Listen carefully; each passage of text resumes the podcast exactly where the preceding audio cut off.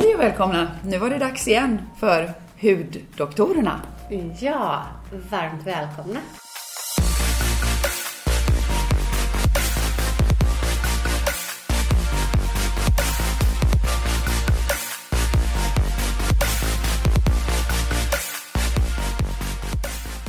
Idag ska vi prata om eh, olika saker. Vi ska prata om eh, både känslig hud och vad stress kan göra med huden.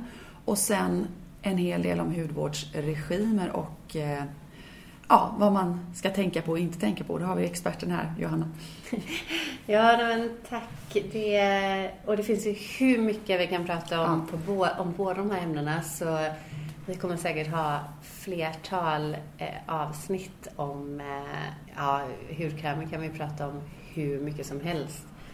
Du kan det i alla fall. Jag kan inte lika mycket om dem som du kan. Men det är väldigt spännande att höra. Principiellt då, det här har vi ju nämnt tidigare men det tål att upprepas. Hur ska man tänka kring hudkrämer? Ska man ha 13 olika mm. steg?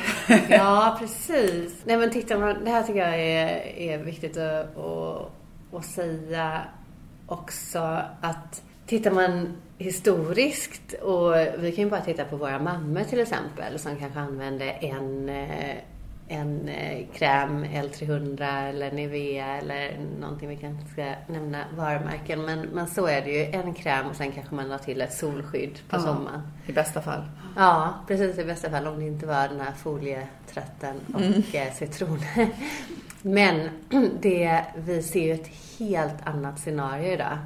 Eh, med otroligt många olika produktformat och produkter eh, som man då kanske tycker att man bör applicera. Och anledningen till att man kanske känner att eh, man behöver köpa alla de här produkterna, det är ju just precis som vi har sagt i nästan varenda avsnitt, att huden är så viktig för oss och den här känslan av att man vill göra vad man kan. Man vill göra så mycket som man bara kan. Och innefattar det att eh, använda serum, mask, eh, toners, krämer, eller etc. som eh, lovar en hel del, då, då är det inte konstigt att man gör det. Nej, nej. Eh, och att man spenderar mycket pengar på detta. Och det, min filosofi, eh, och det kan vi också prata om eh, hur, liksom, om eller huruvida det finns vetenskapliga fakta kring detta, det, det finns ju inte så mycket studier generellt sett om hudvård eller kosmetik. Men eh, jag har 20 års erfarenhet i branschen och, och det är i alla fall eh, min erfarenhet är att mycket inte alltid är bättre och snarare så är nog många gånger less is more. Ja, ja det, det det låter ju på något sätt som en, en klok. Sen kan man väl kanske välja olika produkttyper men kanske mm. inte allt på en gång Nej, heller. exakt. Och det ska man ju komma ihåg när man utvecklar hudvårdsprodukter så är det klart att som företag så tjänar man ju såklart eh, mer pengar per produkt än att ha alla ingredienser i en och samma produkt. Så mm. Eh, just de här olika produktformaten, det är ju väldigt kreativt men att ha till exempel ett serum eller annan produktformat. Det finns ingenting som säger att ett serum skulle vara mer aktivt på något sätt. Det, där har man gjort så olika penetrationsstudier och tittat på men hur, hur eh, penetrerar aktiva substanser bättre ner i huden när man använder ett serum jämfört med en kräm. Men, men den typen av av data finns absolut inte. Och en, ett serum, det är ju egentligen bara oftast en mer lättflytande kräm. Det är också en emulsion. Mm. Så att eh, det handlar bara om olika eh, produktformat. Okay. Så det är mest mm. ingredienserna såklart som ja. är viktiga. Jo, men det är klart. Få in, ja. få in ingredienserna i huden.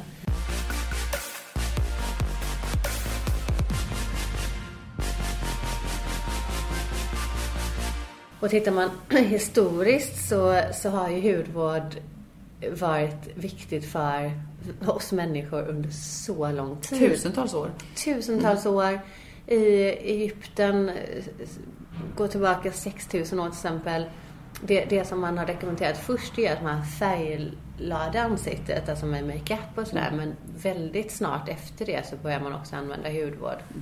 Och där finns det ju otroligt många skrifter om hur man kanske badar i surmjölk eller åsnemjölk eller getmjölk eller att man använder... Första typen av syrebehandling, eller är det inte det? Ja, exakt. Det, det, exakt. Det, det här med åsnemjölken och det. Ja, som säger. det blir det ju Ja. i och med att det är mjölksyra. Ja, just det. Och sen, eh, och det är jätteintressant och också faktiskt har man använt baking soda, alltså eh, natrium, eh, alltså bikarbonat. Ja, det, och det använder man ju fortfarande i hudvård Ah. till viss del. Så det där är också intressant och det finns ju många ämnen som vi fortsätter använda idag. Jag menar det som vi pratade om i förra avsnittet med akne, det var ju salicylsyran. Den är gammal. Mm, Den är ju så gammal. 2000 år har vi använt den. Så att vi, hudvårdens his, historia är ju eh, väldigt lång och tittar vi på den viktorianska eran där började det ju vara eh, viktigt att, eh, att det skulle se ut som om man hade skyddat sig från solen, att man inte hade ett arbete där man behövde eller att man inte kanske hade Att man ett inte var arbete bonde alls. helt enkelt. Exakt. Ja. Och där ser vi ju att man använder allt ifrån kvicksilver till arsenik Mm. och, och eh, andra väldigt farliga substanser just för att motverka den här pigmentbildningen. Och så. Det är lite intressant för jag tänker på det, för vi pratar ju ofta om att när du nämner de här ämnena och så säger vi att känslig hud har blivit så mycket vanligare idag och vi tror ju ibland att, att det beror mycket på eh, en förklaringsmodell är att man kanske håller på och laborerar lite för mycket med huden. Men det låter ju faktiskt som att de gjorde det även, även förr i världen med kanske värre saker än vad, än vad vi har idag då. Ja, just på den viktorianska och- ja, tiden. Där, men där ser man ju också, där hade de ju otroliga biverkningar. Jag menar, där rapporterar de ju många, många fall av blindhet. Oj. Alltså att de blir helt blinda. Och det blir förhoppningsvis inte av hudvård. Nej, gud, nej. Ja, spännande. Det är, ja, spännande. Jag tänker på lite grann det där med, med bara gå tillbaks till det där med, med känslig hud så ska jag fråga dig sen faktiskt lite grann vad man har för produkter för känslig hud. För, eh, för vi, jag ser ju, ja, det är ju inte bara jag, det är ju allmänt, eh, liksom en allmän uppfattning att, att det här med känslig hud ökar. Och man har ju även gjort studier på det och de som, och det här gäller ju framförallt kvinnor då, som rapporterar, det är ju framförallt en självrapportering, att man upplever att frågar man folk helt enkelt om de tycker att de har känslig hud så tycker oerhört många det, alltså typ nästan alla känns det som ibland, att, de, att de upplever att de har känslig hud. Och eh, där är väl egentligen ganska svårt att eh, säga vad, vad, vad är känslig hud. Men, men eh, det man brukar prata om mera objektivt då, som från vårt håll, eller från liksom, menar, diagnostiskt då, det är om man upplever mycket sånt där kanske att det sticker och bränner och svider i ansiktet. Det, är, eh, det, och det är ju jättejobbigt för en, för en del patienter faktiskt. Eh, och det är problemet för oss då som läkare är många gånger att det, man ser ju ingenting Nej. konstigt. Va? Det så, det är jag menar, huden ser normal ut. Det är en grej, det är mycket lättare som läkare att om man har massa konstiga utslag och sånt där, då kan man liksom göra någonting. Men de här patienterna som har mer det här då upplevda sensationerna, där vi egentligen inte ser så mycket, de är ganska, så här, ja, men det är lite svårare att hjälpa dem faktiskt. Så det är, och det finns egentligen inga sätt eh, för mig som läkare att egentligen objektivt mäta det här. Man kan ju göra det i forskningssammanhang. Då kan man ju göra sån här, liksom någon form av lactic acid stinging test. Alltså man kan ju ungefär lägga mjölksyra på huden och se enkelt sett när det svider. Men det är ju ingenting som man använder i, alltså, i någon form av diagnostik på en liksom, i vardagliga, vardagliga livet, mottagning, på mottagning och sånt där. Men, men fortfarande är det ju så att det är ju, det, det är ju en verklighet och, eh, och man kan ju tycka att ja, ja, men det kanske bara är någonting som folk känner. Men, men om man har, när man tittar på huden ändå har gjort studier på de som upplever sig då ha de här besvären så ser man ju att, att det finns ändå förändringar i huden som, som eh, hos, hos de här patienterna. Och eh, bland annat så har de ju då eh, högre, det har du pratat om tidigare, sån här transepidermal water loss, liksom, att man helt enkelt har sämre förmåga att behålla fukten i huden. Så att det finns ja, vissa, vissa förändringar. Eh, en del, man kan också tydligen mäta att de här nerverna som ligger ute i huden, vi har ju hela tiden små, små nervändslut. Och att de också verkar vara känsligare för stimuli än, än hos de som inte har de här eh, besvären då. att det är som att nerverna helt enkelt är lätt, mer lättretade, Mm. så att man får de här besvären. Eh, Sen ser man också se att eh, man har flera av de här mastcellerna. Mastceller är ju en typ av eh, vita blodkroppar egentligen som ingår i vårt immunförsvar. Det är ju de som frisätter histamin. Och har man mer av de här cellerna ute i huden Eh, så re, och, och de retas så blir det ju en histaminfrisättning. Och det är då vi kan också se, eh, ja, både, både kan man se att man kan få som nässelutslag nästan, för det tycker jag att många av de här patienterna med den här känsliga huden som, man, som jag lite egentligen säger från början att man kanske inte ser man ser egentligen inga konstigheter men förutom att de rapporterar det här att de eh, liksom svider och bränner lätt så blir de också väldigt många, många gånger till exempel vid dusch och sånt där, då kan man bli riktigt ilsket röd och svullen och sånt där saker. Eh, det är många som sagt som, ja, som, som berättar det helt enkelt och det har, tänker jag då, kan nog ha med kanske det här ökade mängden mastceller i huden att göra. Så att, dessvärre är det ju väldigt svårt det här. Det är, ju- det är ju ingenting man, eh, alltså, det är ju ingenting man kan behandla riktigt utan det är ju, här en, liksom Ja. en, variant då. Eh, och sen det sista då som jag egentligen tänkte nämna i dessa hudar då, det är ju att man har en ökad, ökat uttryck av en speciell receptor. Eh, som heter, ja, själva receptorn heter vanilloidreceptorn men den kodas av en gen som du har nämnt tidigare, om den, den här TRPV1-genen. Och den är ju också, eh, har man mycket mer av de här eh, receptorerna så reagerar de också. De reagerar på till exempel lågt pH-värde, på värme och sånt där. Så, att, eh, så det finns liksom en hel del faktiskt förklaringar Ja. till den här eh, liksom känsliga huden och det här stinging, burning och så vidare. Men det finns inte så himla mycket Nej. som man kan erbjuda som behandling. I alla fall inte som läkare. Inte, jag har inga liksom, jag kan pröva, Man kan pröva antihistaminer till exempel och se om det lugnar lite. Men det är ju inget, jag kan inte bota, jag kan inte ge någonting så här. Så ta det här så blir du bra. Men däremot tänker jag här på återigen då hudvården. Här måste man ju kunna, vad, gör, vad ska de här patienterna ha för hudvård? Ja, och, och där, om vi går tillbaka till det du nämnde innan, eller det vi pratade om innan. Om det är så att överanvändning av hudvård faktiskt går hand i hand med den här ökade känsligheten som vi ser populationsmässigt i världen faktiskt. Ehm, och, och det där är ju väldigt intressant för att det skulle innebära i så fall att vi skulle behöva vara mycket mer försiktiga med vad vi applicerar på huden. Och det du nämner där med den här TRPV1-receptorn, det är ju samma receptor som triggas av chilipeppar till Just exempel. Mm.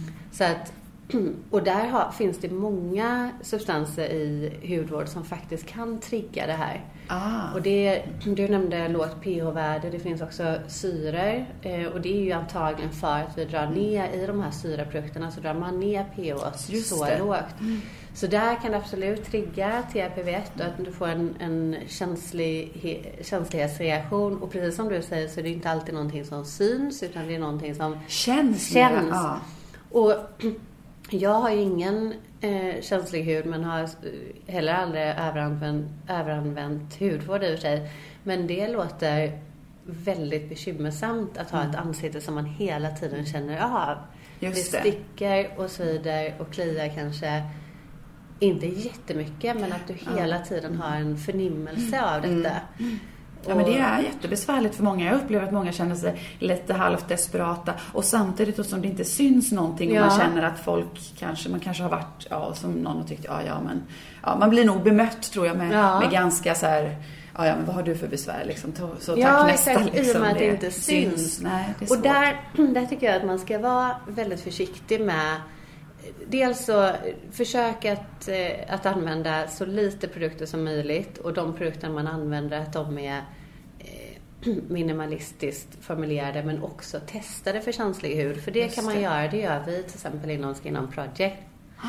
Att vi, ehm, vi testar ju på eh, personer som har dermatologiskt ehm, säkerställd eh, känslig hud. Okej, ja. Och då vill vi inte ha någon av de här personerna som överhuvudtaget reagerar på våra Nej, krämer är för känslig Nej, hud. Ja. Så att eh, det är ju någonting man gör. Så att man bör välja ett företag som, som faktiskt har sådana produkter testade för känslig Ja. Ja. Och då är det ju det här, undvik syror, undvik produkter med väldigt lågt pH. Eh, undvik eh, till exempel eh, vissa konserveringsmedel. Så det vi har sett, det här är faktiskt intressant. Nu kommer vi in lite på den här parabendebatten. Mm. För det som hände 2000, eh, ja, runt 2006-2007 det kom ut en artikel strax innan där av en engelsk forskargrupp som leddes av eh, en kvinna som heter Philippa Darb. Och eh, där såg man att eh, man såg att eh, kvinnor med brösttumörer eh, verkade ha, där kunde man till och med se i brösttumörvävnaden ökad koncentration av parabener. Och då började man tänka, men de här parabenerna måste ju ha kommit någon, det här, det här är ju inte naturligt, var kommer de ifrån? Ja, men de kommer nog från det man applicerar på huden, mm. precis. Det kan ju vara allt från deodoranter till hudkrämer till, eh, ja. Och det här ledde ju då till, sen har man inte riktigt kunnat eh, faktiskt eh, säkerställa det eller bekräfta de data på ett eh, bra sätt kanske. Eh, men det här ledde till att det var ingen som ville ha parabener i sina produkter. Just det. Mm. Eh, och man såg den här hormonella kopplingen. Att kan det ha någonting med östrogenreceptorer och så gör att man triggar då en, en, eh, en, eh, en bröstcancer helt enkelt. Men då är det, det är intressant för att då vill man inte använda de här eh, konserveringsmedel som man har använt under otroligt lång tid. Eh, och de här konserveringsmedlen parabenform behöver man också ganska låg koncentration av. Eh, och då var ju problemet, vad ska man använda istället? Och då fick man ju ta till någonting snabbt. Och då, det man har sett, liksom, tittar man på, mäter det här, vad hände från typ 2007? Ja men parabenerna bara rasade i användning samtidigt som eh, ett annat konserveringsmedel som heter fenoxetanol ökade, ökade dramatiskt. Och det ser vi fortfarande. De allra flesta, tittar man på sina produkter hemma så kan jag nog eh, garantera att det finns fenoxetanol i 90 av dem. Och trots detta så har ju inte bröstcancerfrekvensen gått ner på något sätt. Nej. Trots att man slutade använda parabener. Så den kopplingen ja. tror ju inte jag särskilt mycket exakt. på. Om jag ska jag, vara helt ärlig. Nej, Utan... det, det, där är jätte... Ja. Nej men, jag bara, nej men det är egentligen bara det inlägget ja. jag vill göra. För jag har ju störst lite av den här parabendebatten eh, och känt mm. nog att den är nog mera populistiskt driven ja, än att den är vetenskapligt underbyggd. Så att, eh. Exakt, och det, det, det, tror jag också. För som sagt, man har i flera andra studier liksom verkligen tittat på vad händer med brösttumörceller och sådär. Jag menar bara för att man hittar någonting och eh, så behöver det ju inte vara en orsak så nej, att säga. Så att, men, ja. Men det har man väl å andra sidan tror jag väl också lugnat ner sig med även eh, internationellt idag. Eh, undviker man väl inte parabener på samma jo, sätt? Jo, ja. det värsta är att när det har hänt någonting sånt här ja. eh, och kommit upp i ett... Eh, det här har ju varit ett enormt medieuppbåd mm. upp, Båd. Uppbåd. Eh, kring eh, parabener. Så att det, jag tror de allra flesta ser lite rött när de ser parabener. Men så det, ja. det, är väldigt svårt att utveckla produkter som innehåller parabener idag, det skulle jag nog säga. Men det är ju det, är det jag menar, det är populistiskt framtaget, det är ja. inte byggt på vetenskap. Och därför så tycker jag nog som är väldigt, väldigt, väldigt förtjust i när, det är, när argument och sånt är vetenskapligt ja. underbyggda, så tycker jag ju att det här är, parabenfobin är ganska fjantig. Ja, men jag kan hålla med dig. Men jag, kan... Med, jag kan hålla med dig på ett sätt, för jag kan hålla med dig att eh, alternativet, det som vi la i som man la i istället, fenoxetanol mm. speciellt då, eller höga koncentrationer av glykoler eller alkohol. Men glykoler använder man ju extremt mycket just för den antimikrobiella effekten, alltså använda det som ett konserveringsmedel. Och de alternativen är inte överhuvudtaget bättre för huden, snarare tvärtom. Och då kommer vi igen till TRPV1. Att TRPV1 kan faktiskt triggas av fenoxetanol. Och man har också sett Eh, dels använder vi fenoxetanol i högre koncentration, alltså man går upp till 1%. Det är en väldigt hög koncentration. Ofta så har du mycket lägre koncentration av den aktiva substanser än det här konserveringsmedlet.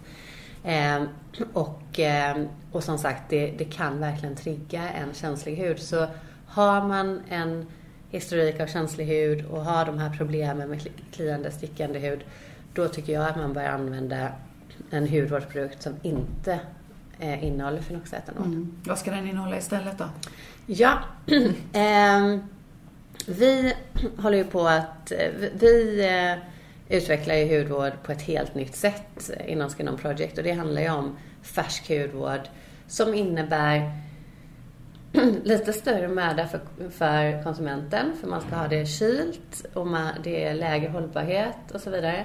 Men det som är tjusningen med det, det är ju faktiskt att vi kan ta bort konserveringsmedlen och det har vi också sett en koppling till mikrobiomet, att konserveringsmedel, många konserveringsmedel kan trigga en känslig hud men det kan också mm. faktiskt precis skapa en obalans i mikrobiomet. Så där tycker jag ju att vi eh, slår två flugor i en smäll. Plus att eh, de aktiva substanserna håller sig också bättre i kyl. Tittar vi till exempel på retinol eller mm, vitamin C ja, så håller ju de mycket bättre vid 8 grader än vid 25 grader. Så att eh, vi, vi, slår egentligen tre flugor i en smäll med det här sättet att utveckla hudvård. Mm. Superbra. Då vet vi det. Ja. ja. Nej men det är väl ett, stort och kliniskt problem med känslig hud så att jag tycker det, ja, det känns, känns bra att, att få lite, lite mera kött på mm. benet och veta vad man kan rekommendera i alla fall.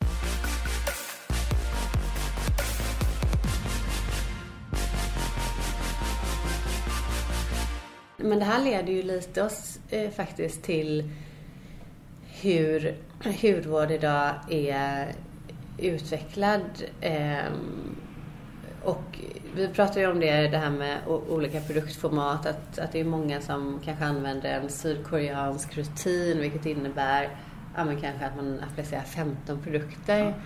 Och, det verkar ju helt galet. Ja, och med det så får man ju också väldigt många ingredienser. Säg att, att en kräm eller ett serum kanske innehåller 50, 60, ibland 100 ingredienser applicerar du tio stycken sådana, ja. då kanske du får, säg, i alla fall 500 olika ingredienser per dag.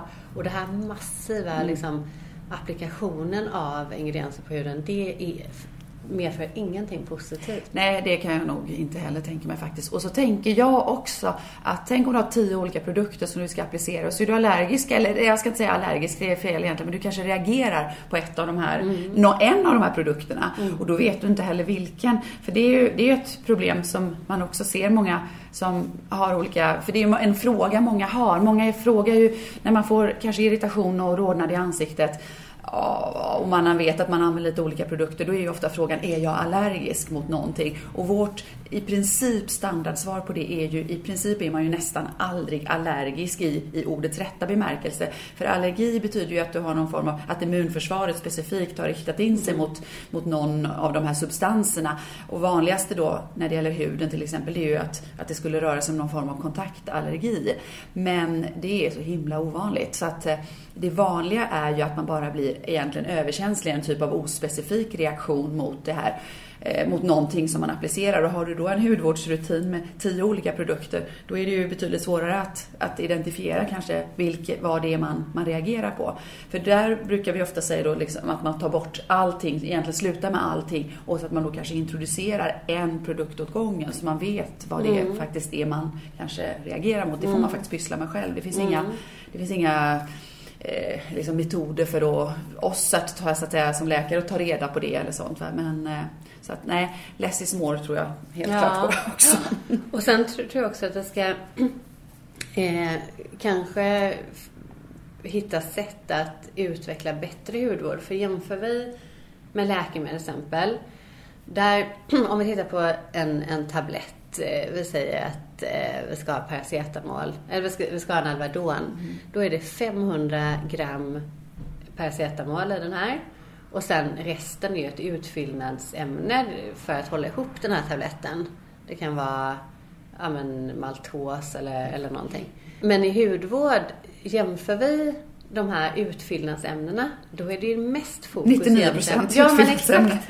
Och det, det är och anledningen till det, det är ju faktiskt att vi har ett sätt att använda och sälja och utveckla hudvård som vi har hållit på med i liksom 60 år eller 70 år kanske. Och det innebär då att vi ska, vi ska kunna ha det i badrummet. Det ska kunna ha en tre år hållbarhet på det. Det är egentligen standard när vi tittar på regelverket. Tre år? Tre år, ja. Eh, alltså alla tester som görs på hudvård, det görs för att det ska hållas liksom, i tre år. Det ska kunna stå på hyllan på en eh, Affären affär, först. precis. Under starkt lampljus och det kanske en, också väldigt starkt ljus. Det här påverkar ju produkten jättemycket och då behöver du ha eh, du behöver ha dels konserveringsmedel såklart. Du behöver ha eh, kanske färgämnen för att, mot, liksom att, att den krämen kanske redan ska vara lite gulfärgad så att inte konsumenten ser att färgen har ändrats. Du kanske behöver mycket förtjockningsmedel och stabilisatorer för att den här krämen ska hålla ihop under tre års tid. Du behöver parfymämnen för den kommer inte lukta så gott utan då är det lika bra att dölja det här den här liksom... Eh, Härskna Ja, doften. kanske inte blir härsket men att, att Nej, men det en, del, en del oparfumerade produkter luktar ju faktiskt lite Ja, mystiskt ja. ibland. Så att man... Exakt. Så, att, eh, så där tror jag att vi kan göra väldigt mycket eh, att försöka liksom ta bort mycket av de här utfyllnadsämnena som bara är där för att hålla den här produkten levande under så lång tid. Och där, där brukar jag, vi alltid ta den här kopplingen med crème fraîche. Att skulle, alltså det, det är helt otänkbart för oss att gå in och gräva med fingrarna i en crème fraîche eller hålla den på, eh, säga att nej men jag vill absolut, jag orkar inte lägga in mina mjölk och crème fraîche-produkter i kylskåpet. Det är alldeles för långt från matbordet. Jag vill ha dem stående där. Eh, tänk om vi hade haft jättefina crème fraîche-burkar som vi verkligen vill liksom visa och vi har dem på köksbordet. Det hade ju blivit väldigt snabbt en, en, en muggeltillväxt såklart. Gud, ja. Eh, men vi har inte alls samma tankesätt med hudvård utan där ska vi gladeligen liksom vara inne med fingrarna och sådär och det växer ju inte någonting. Nej. Eh, och det finns ju en anledning till det och det är ju konserveringsmedel såklart.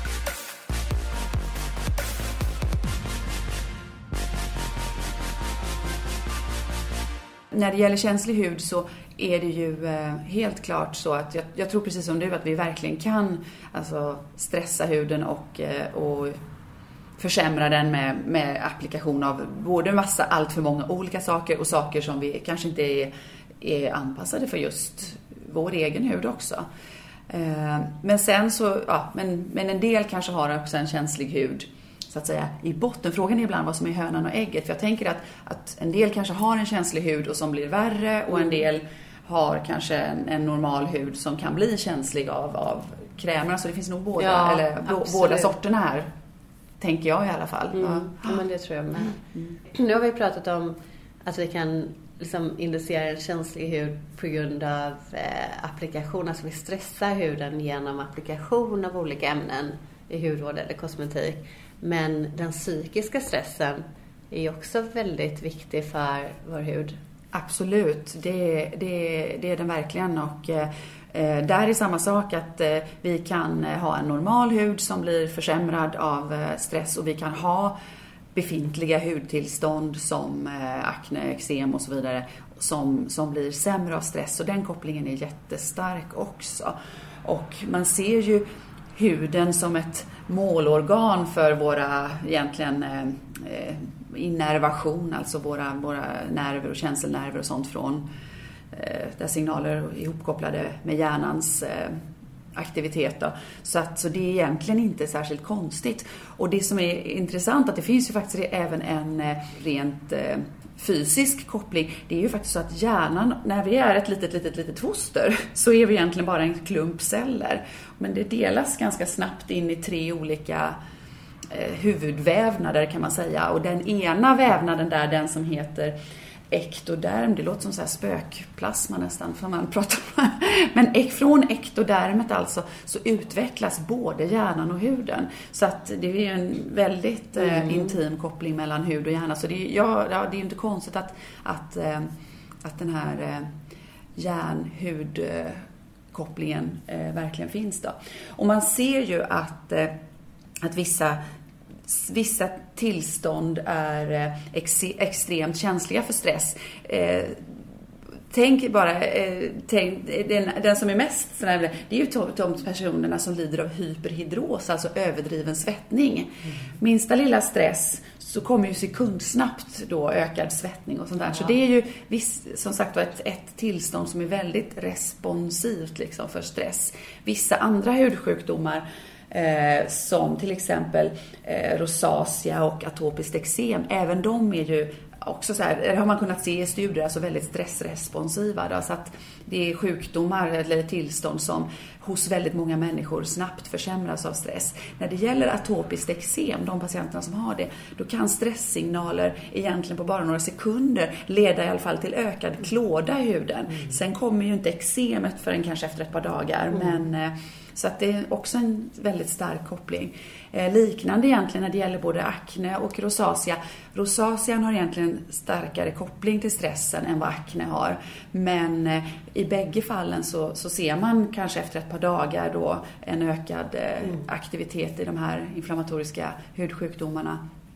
Eh, hos, eh, när det gäller rosacea så är det kanske 94 eh, procent av patienterna som är som sagt var stressresponsiva. När det gäller akne så kanske det bara är kanske hälften. Men, mm. men det finns ändå en koppling. Även sådana eh, tillstånd som jag tror att vi har pratat om tidigare som seboroiskt eksem, mjällexem och mm. sånt där som är egentligen kanske vanligare hos eh, eh, kanske män och ofta sitter då i kanske ögonbryn och näsvingar och sånt där. Även där ser man en, en, mm. en koppling till stress då, som, som är mätbar. Men sen kommer det alltid att vara så att även en, alltså inom samma sjukdomsgrupp så kommer olika individer att vara olika känsliga. Mm. Så att mm. alla är inte likadana men eh, jag tycker det är väldigt intressant ja. att man kan, man kan se det här. Och, och det är klart att för patienter som jag menar, stress kan vi liksom inte påverka. Så det är ju, här är också i sig stressande för patienter och människor med de här tillstånden. För du, du blir liksom på någon, någon form av kontrollförlust. Du mm. vet inte liksom, ska du ha en bra eller dålig dag eller så här, mm. för,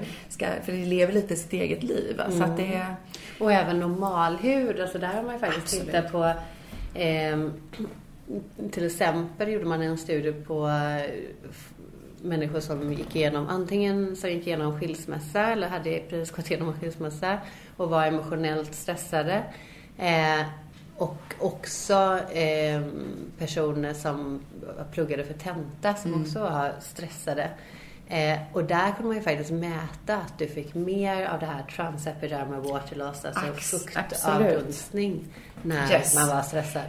Alltså det är helt otroligt, ja. Det är verkligen, det tycker jag är lite konstigt. Men, men eh, stress påverkar, precis som du säger, mm. hudbarriären något enormt alltså. På det sättet att det verkligen, ja som sagt var, torkar ut huden. Det, det är ganska intressant. Så, så där kan man ju nästan förstå, tänker jag, när det gäller de som är atopiker, alltså har atopiskt eksem, att där har du egentligen två effekter. Dels så får du en försämrad hudbarriär, mm. alltså, som tappar vatten mm. lättare. Och atopiker har ju redan från början en, en genetiskt med medfödd skör hudbarriär. Så då det försämras det ytterligare plus att du kan då driva på inflammationen eh, av själva, eh, liksom, själva stresspåslaget också. För ja, jag kanske skulle sagt det från början, men det som sker i huden, förutom det här då, eh, som är, man tänker den liksom, mekaniken bakom varför stress kan försämra eh, hudsjukdomar och, och skapa inflammation. Det är ju alltså att det frisätts från de här nerverna, som så fina, fina små nerverna som ligger ute i huden, så frisätts det alltså eh, helt enkelt substanser, transmittorsubstanser, alltså signalsubstanser kanske man ska säga, som eh, i sin tur då triggar eh, inflammatoriska, som alltså triggar immunförsvaret, triggar inflammation. Så att Eh, så, så åter till atopikerna där då, så de som sagt har, de får både en, en försämrad hudbarriär och en triggad inflammation. Mm. Så att det är inte konstigt att, att, att de blir sämre av stress, vilket vi ju som kliniker ofta ser ju jättestarkt.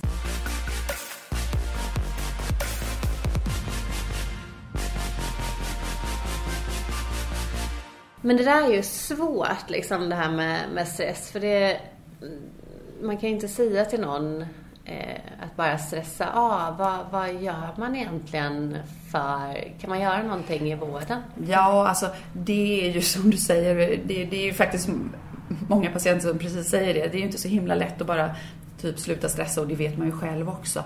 Så att, men man kan ju, det finns ju idag alltså, dels har man faktiskt sett att eh, KBT till exempel, mm. alltså kognitiv beteendeterapi för stresshantering och sådana saker, är väldigt effektiva. Även för hudsjukdomar? Ja, i alla fall, jag tänker så här, i alla fall för, i alla fall vet jag för atopiker. Mm. Eh, men jag kan inte tänka mig att det skulle ha någon negativ effekt på andra Nej. sjukdomar heller. Men eh, däremot är det ju, så att, ja, det, det, kan ju, det är ibland svårt att få till inom vården kanske, men, men olika stressreducerande tekniker och, och sånt har absolut en, en, en, en bra påverkan. Mm. Det, det har det.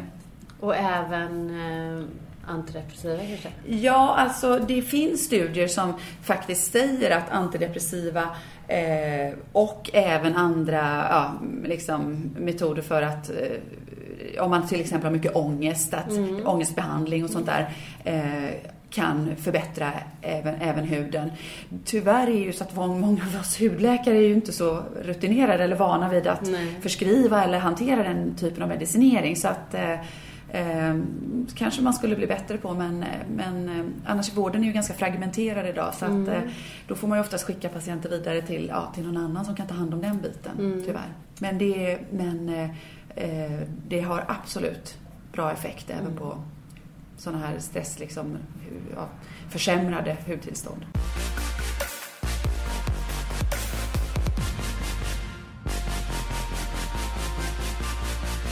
vi har ju pratat om massa ämnen nu som man ska undvika för att inte trigga den här TRPV1-receptorn. Men det finns ju även, just för känslig hud så brukar man faktiskt också lägga till substanser som blockerar den här TRPV1 något. Och där finns det substanser som, som exempelvis eh, acetildipeptid 1-cetylester. Det är sånt där ämne som eh, kan eh, blockera eller hämma TRPV1-responsen.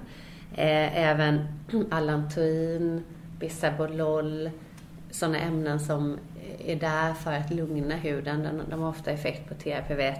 Även naringenin som är ett väldigt intressant ämne som faktiskt eh, eh, man först såg i citrusfrukt och eh, citrusfrukt i skalet. Och anledningen till att citrusfrukten antagligen har det här naringinin det är för att den inte ska skrumpna och bli stressad på trädet av UV-ljus. Normalt sett ser man ju att citroner och apelsiner och så är de skrumpna när de har släppt från trädet. Men just när de finns på trädet så har de hög koncentration av naringinin i citrusskalet för att då minska den här stressen av UV-ljus. Så det är ett, ett väldigt intressant ämne.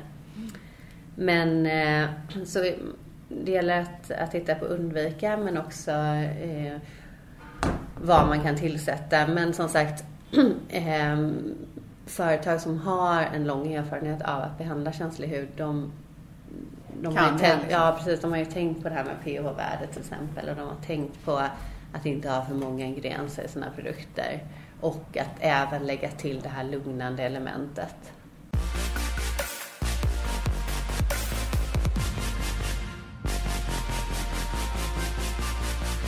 Ja, men det blev ett lite kortare avsnitt den här gången. Men det är kanske är bra att köra lite kortare och lite oftare. Ja, exakt. Och det, det leder oss till att vi jättegärna vill ha er feedback. Vill ni ha kortare avsnitt? Vill ni ha fler avsnitt? Vad vill ni att vi pratar om? Eh, är det någonting som eh, ni verkligen känner, nej men det här har ni inte belyst alls och det här är jag jätteintresserad av. Eh, skicka gärna e-mail eller meddelanden på antingen våra Instagramkonton eller på vår e-mail eh, hurdoktorerna eh, gmail.com. Det var allt ja. för idag. du får Tack och hej. Idag. Ja, du med. Ha det bra. Hej. Hej, hej.